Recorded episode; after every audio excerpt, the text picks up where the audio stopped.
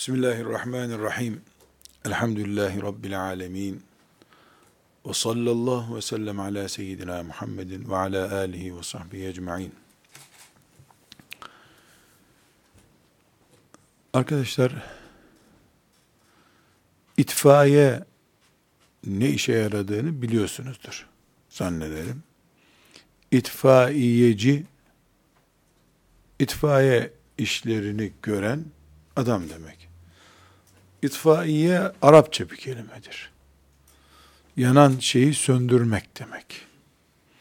Türkçedeki itfaiyeci yanan şeyi söndüren görevli anlamına geliyor.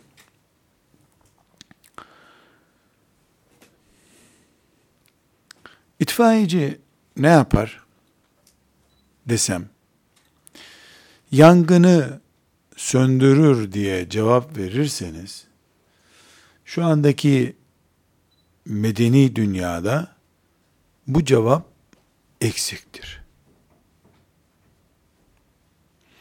Bir belediyenin itfaiye birimine gitseniz, bu soruyu sorsanız, yangını söndürür cümlesini hemen duyamazsınız.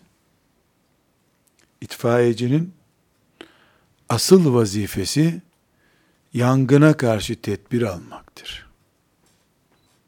Onun için binaların, iş yerlerinin ve benzeri eğlence merkezlerinin ruhsatı verileceği zaman itfaiye raporu getir denir. Diğer raporların hepsinde bir müsamaha gösterilir de itfaiyeninkinde gösterilmez. Çünkü bir gün o ruhsatlı yerde yangın çıkar birisi ölürse o ruhsatı verenin anası ağlar. Yanar. O da yanar orada. Onun için itfaiyenin asıl görevi yangına karşı tedbirli olmaktır. Bütün mesela itfaiye birimi bir belediyede 10 kişiden oluşuyor diyelim. Bu 10 kişinin mesaisine bakın.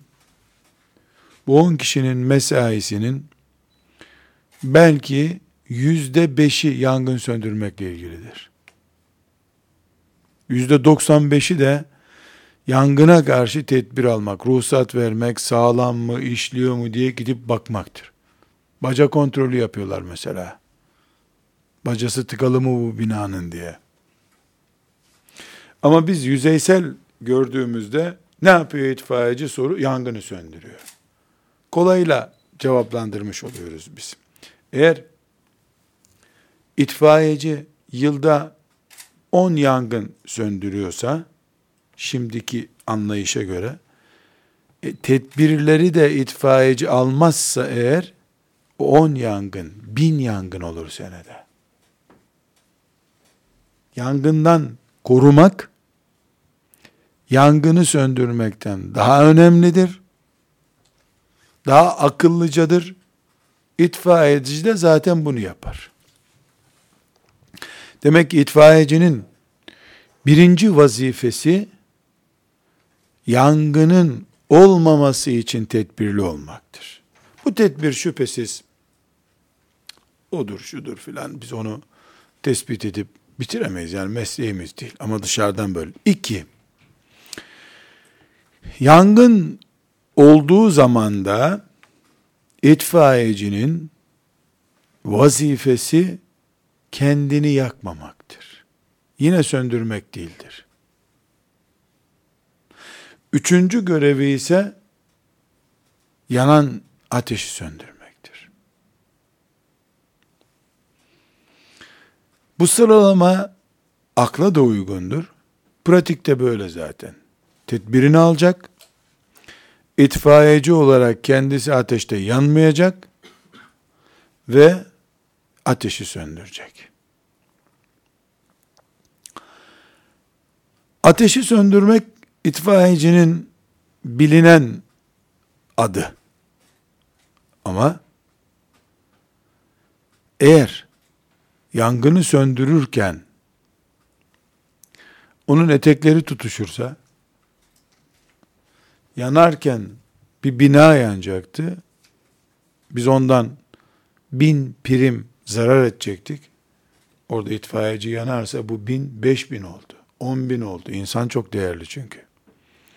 Ve söndürecek kişimiz de yandı bu sefer. Ateşi söndürecek suyun bitmesi gibi bir şey bu. Bu üç şeyi unutmuyoruz. Ateş tehlikeli. Yakıyor. Onu söndürecek adam itfaiyeci. Ama itfaiyecinin vazifesi önce ateş çıkmasın, yangın çıkmasın diye tedbir almaktır. Nasıl tedbir alıyor? Kendi bileceği şüphesiz. İki, kendisi yanmayacak. Üç, yanan yangını söndürecek. Söndürmenin yöntemlerine göre. Şimdi güzel kardeşlerim, Almanya'da, İrlanda'da, Rusya'da veya Ankara'da, İstanbul'da, Bağdat'ta insanın olduğu her yer aynıdır aslında. Cidde ile, Yemen'le, İstanbul'la, Frankfurt, Washington, London arasında insan yaşayan yer olduğundan dolayı bir fark yoktur. İnsan Yemen'de yaşadığında kaşları oluyor da Frankfurt'ta yaşayınca kaşı olmuyor mu? Orada susuyor da Frankfurt'ta su, hararet sorunu yaşamıyor mu?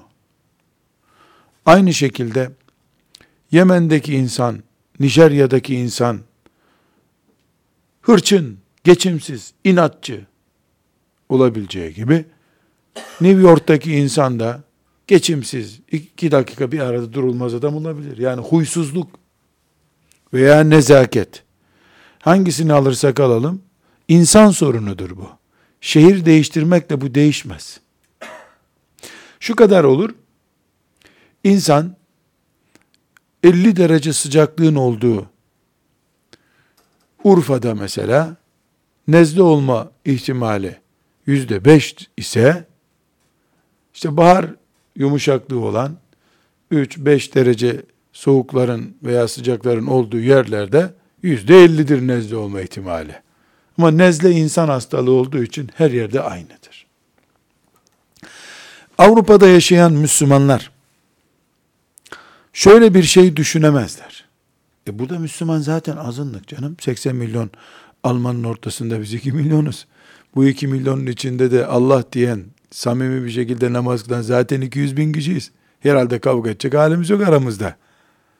Diye düşündüklerinde zaten biz Somali'de yaşamıyoruz ki. Almanya'da yaşıyoruz. Somali'deki gibi aç olmadığımıza göre açlıktan korkmaya ihtiyacımız yok.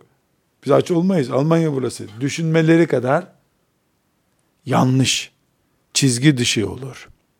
Hayır. Doğrusu şudur. İnsan mı bu? 10 milyon Müslümanın yaşadığı bir şehirde hangi parazitleri çıkarırsa insan, 10 kişinin yaşadığı, yapayalnız kaldığı kutuplardaki bir köyde de aynı işi yapar. Şu kadar ki, 10 milyonluk bir şehirde bunun sıklık oranı, bu olayla, bu parazitlikle karşılaşma oranı şu kadardır. 10 kişi ise nüfus az olduğu için karşılaşma oranı şu kadardır. Almanya'daki, Avrupa'daki mümin kardeşlerimizin oradaki gurbetlikten dolayı yani az olduklarından, azınlık bile denmeyecek kadar az olduklarından dolayı herhangi bir huzursuzluk çıkmasını ihtimal dışı görmeleri yanlış. Aksine azınlık ama şımarmak için de yeterli sebepler var ortada. E istediğin kadar hürriyet var. Kimse kimseye karışmıyor. Ne kadar parazit yaparsan o kadar meşhur oluyorsun. Protesto eden yok.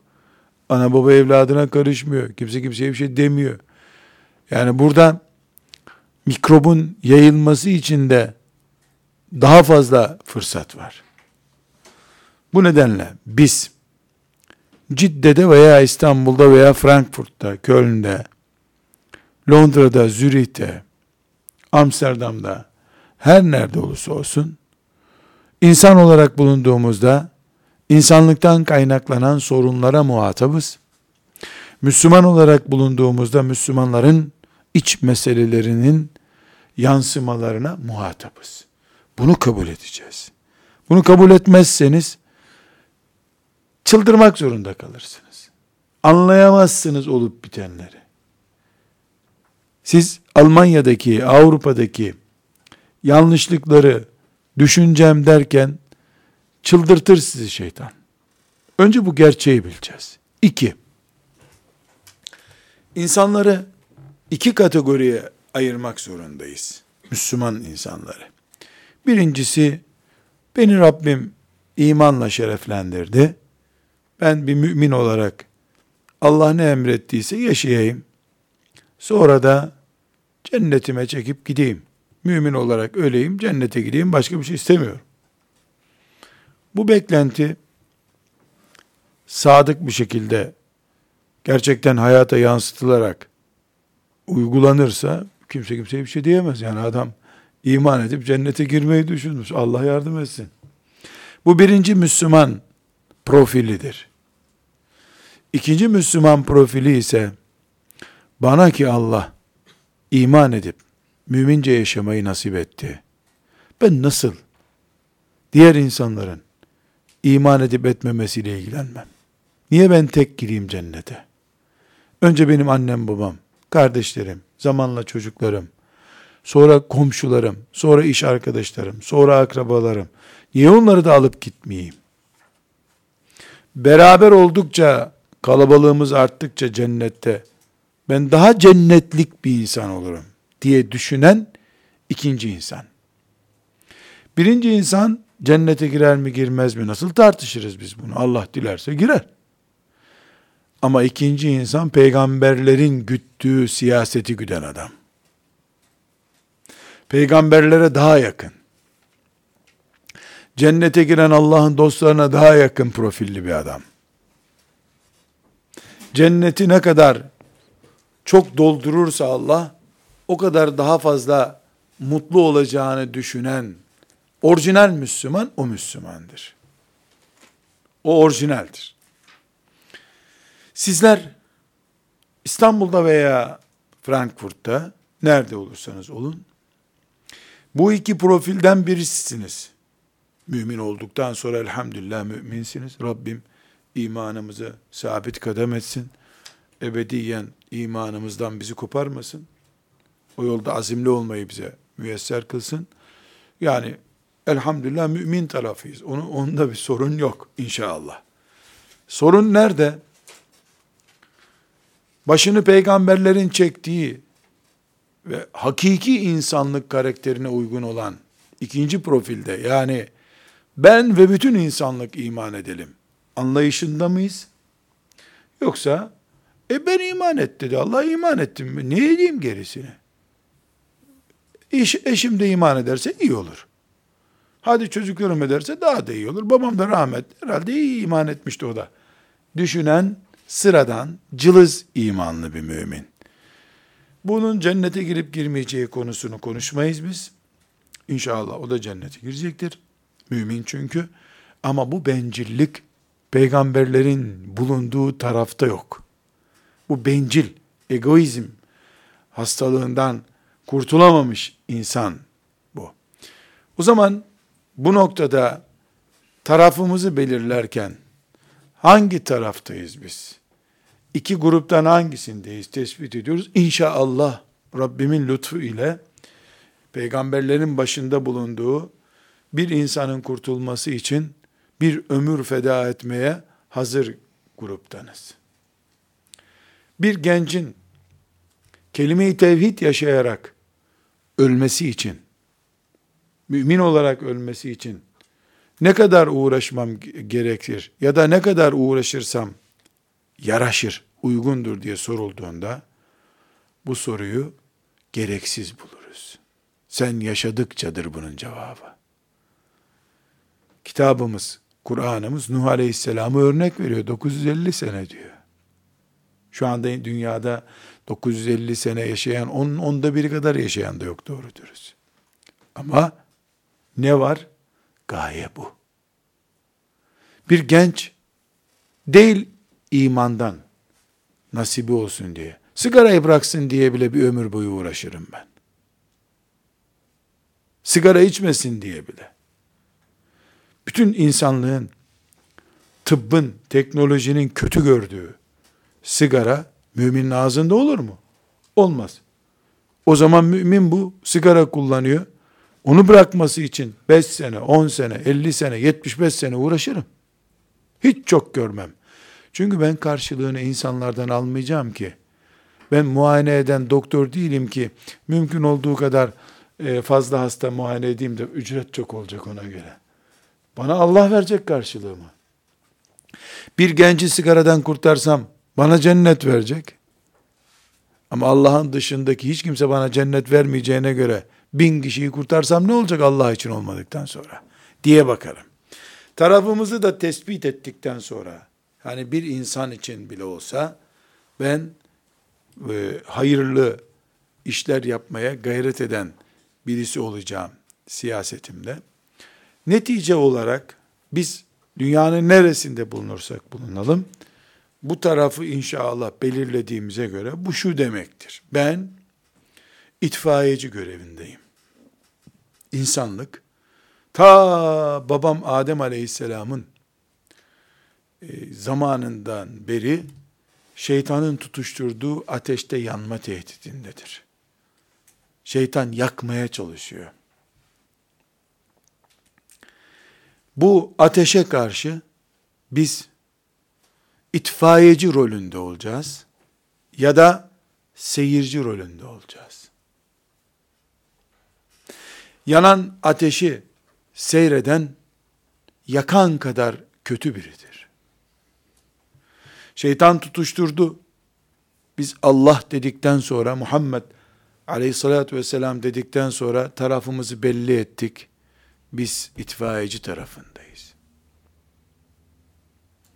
Öbür türlü iman samimiyetimizi meleklere ispat edemeyiz biz.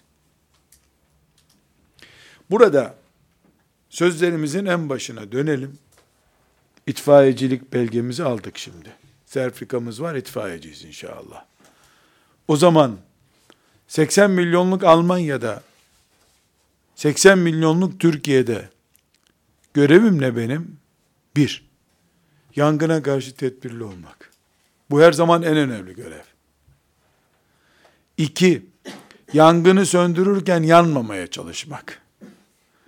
Üç, mümkün olduğu kadar söndürebildiğim kadar söndürmek. Bu program dahilinde iş yaparken bütün yangınları söndüreceğim diye bir kural da yok. Ama benim maaşımın bana helal olması için üzerime düşeni yapmış olmam lazım.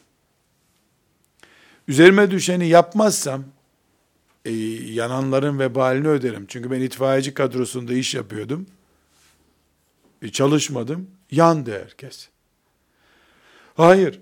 Ben bana verilen görevi olduğu gibi yaptım. Buna rağmen bir bina yandı. Raporumu tutarım. Teslim ederim raporumu. Niye diyeyim yanmasaydı. Ön tedbiri aldım.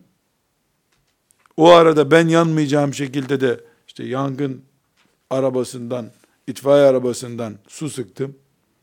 E sönmedi ne edeyim? Ben bir sorumluluk içinde değilim. Bunu müdürlüğe yazarım. Raporum budur derim. Maaşımı da alır yerim. İnsanların imanına karşı yani iblisin tutuşturmuş olduğu cehennem ateşine karşı vazifemiz budur bizim. Asıl vazifemiz demek ki gençlerin, sözümüzün geçeceği kimselerin iblisin tutuşturacağı ateşe yakalanmamaları için gayret etme. Bu asıl görevimiz bizim. Biz insanların bu ateşe düşmelerine karşı iki ateş arasında fark olduğunu anladık değil mi? İki itfaiyeci çünkü biri bina söndüren itfaiyeci, biri yürek söndüren itfaiyeciyiz biz şimdi.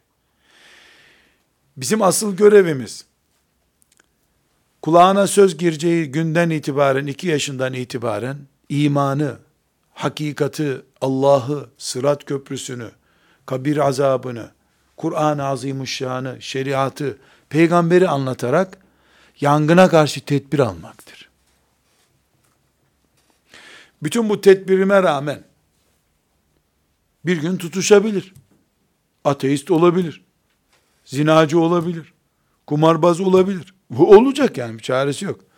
O zaman ölçüsüz paldır küldür yeleğimi giymeden, itfaiyeci yeleğimi giymeden, hurt, hortumun suyunu açmadan elle söndürmeye kalkarsam ben yanarım. Zarar ikiye çıkar. Bir o yanıyordu, bir de ben yandım. Bu da yanlış. Taktik gütmem lazım. Nedir taktiğim benim? Bu peygamberi inkar ediyor maazallah. Kur'an'ımı hor görüyor. Peygamber Efendimizin hadisi şerifleriyle oynuyor. Ashab-ı kiramla oynuyor. Müminlerin ortak değerlerini basit görüyor. Ben yanmış bir beyinle, beyni yanıyor bunun. İblis beynini tutuşturmuş. Zamanında da yeterli tedbir alınmadığı için bu bir defa tutuşmuş. Ben eğer kendim iyice Kur'an'ımı, peygamberimin sünnetini bilmeden 3 sayfa 5 sayfa kitap okudum, iki konferans dinledim diye kendimi itfaiyeci, süper itfaiyeci zannederek onunla oturur 3 gün 5 gün tartışırsam İblis onu tutuşturduğu gibi çaktırmadan beni de tutuşturacak o arada. Bu akıllıca değil. E ne yapacağım? Şehir itfaiyesine haber vereceğim. Çünkü bu benim söndürebileceğim bir yangın değil. Küçük bir çocuk değil. Ekolleşmiş kafasındaki bu düşünce. Sistematik hale gelmiş. Veya genç bir kız ateşe tutuşmuş gidiyor. Müstehcen bir pozisyonda veya tesettürlü. Ben de genç bir erkek olarak onun ateşini söndürüyorum. İkimiz topluca zinada buluşuyoruz sonunda. Söndürürken birini güya ben yandım bu arada. Hem itfaiye maaşımı alamam, hem de tazminat cezası gelir bana. Çünkü kamu malına zarar verdim. Belediyenin itfaiye sistemini çökerttim. Sizden birinin Allah adına iş yaparken bu ölçüye dikkat etmesi lazım. Hepimizin. Veya rüzgarın ters tarafı istikametine geçiyorsun. Rüzgar ateşi körüklüyor. Sen öbür taraftan su sıkıyorsun. O su daha fazla tutuşturuyor onu. Çünkü rüzgar suyu da itiyor. Taktik hatası yapıyorsun. Uyuz, uyuz tartışıyorsun adamla. O tartışman yüzde onken onun itirazı yüzde otuza çıkarıyor onu. Senin yüzünden apartmanın bir katı yanacaktı, üç katı yanıyor bu sefer. Rüzgara karşı nasıl su püskürtüleceğini bilmediğin için. İtfaiyecinin taktik kullanması, herhangi bir şekilde sıradan bir iş yapması demek değildir. Rüzgarı hesap edeceksin. Onun fitneleri ne taraftan geliyor? Rüzgarı hesap edeceksin. Elindeki su miktarını hesap edeceksin. Ateşin barını hesap edeceksin. Oksijen bağlantısını hesap edeceksin. Ondan sonra suyunu kullanacaksın. Belki evin çatısı yanıp bitecekti yangın. Senin yüzünden komşu evler de yandı. Hepimiz itfaiyeciyiz. Ama akılsız itfaiyeci değiliz. Aklımızı kullanan itfaiyecileriz. Şeytan bizi kullanıp 10 zarar çıkacak, 10 birim zarar çıkacak bir yangını 100 zarar çıkmış bir yangına çevirebilir. Bu da bizim eğitimini görmediğimiz yangın çeşitlerine girmememizi gerektiriyor.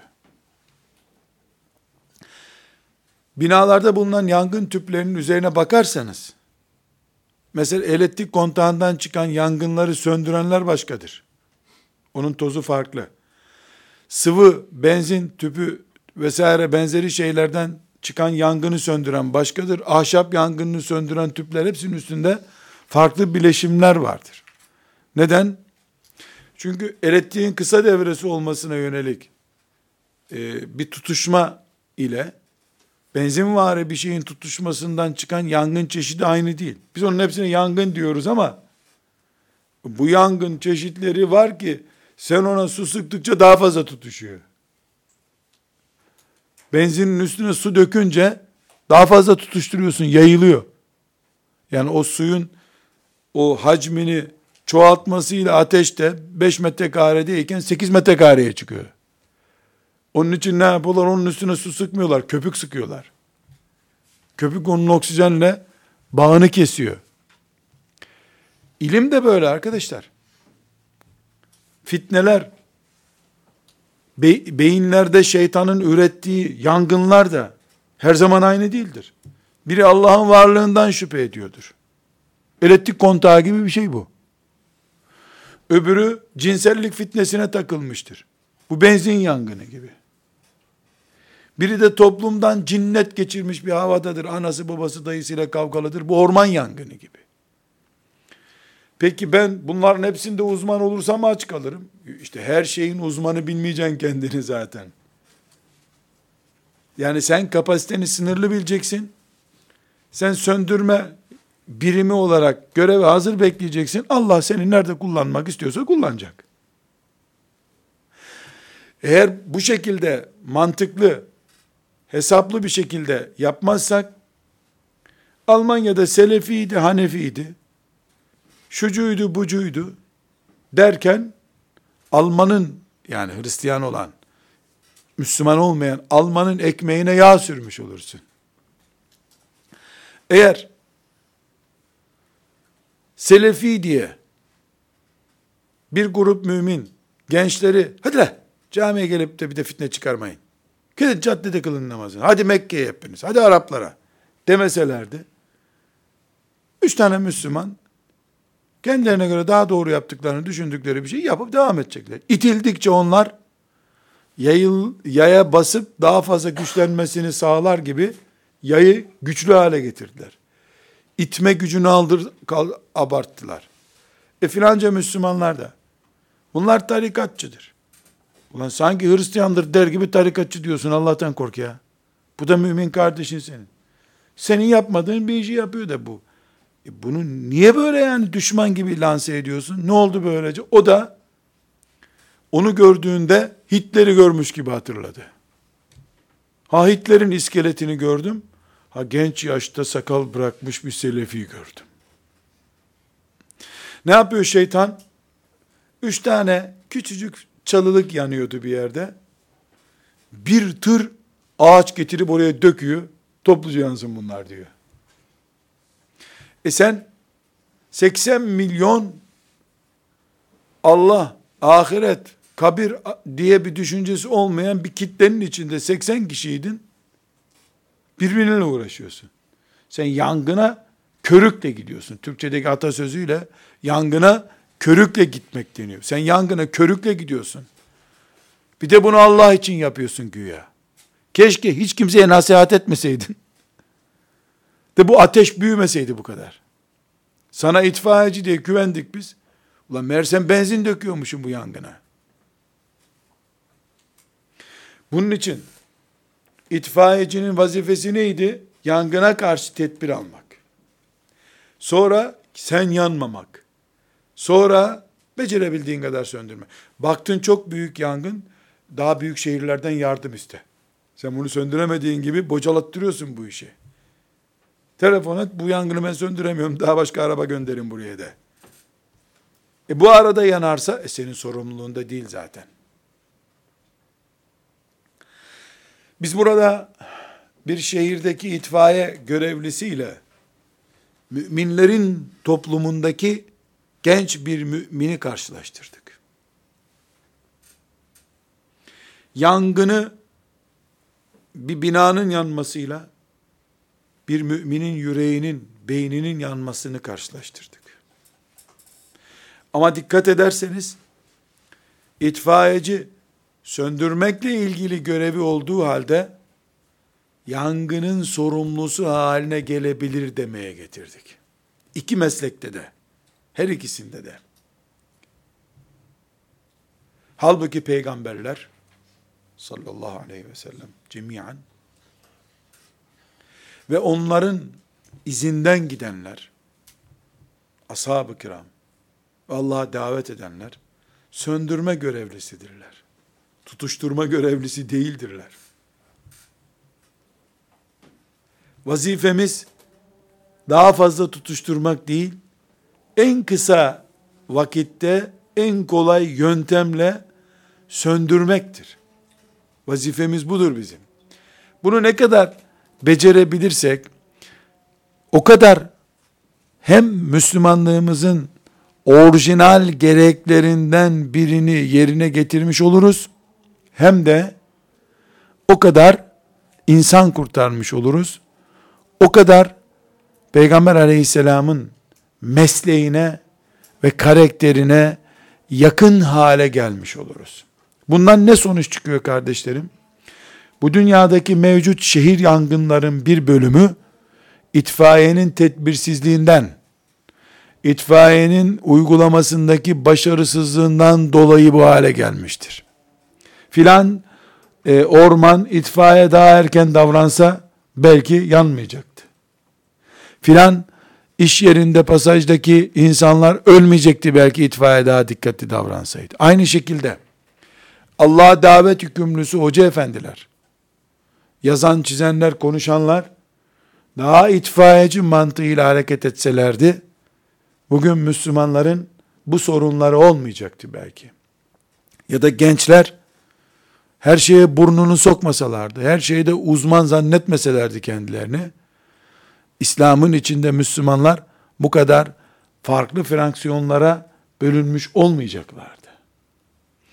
Bugüne kadar olan hatalar bizi ilgilendirmiyor. Bugünden itibaren biz ümmetimizin içinde en azından bundan sonra yeni bir sıkıntı çıkmasın. Mevcut orman yangını gibi yangınlar daha büyümesin diye gayret etmemiz gerekir.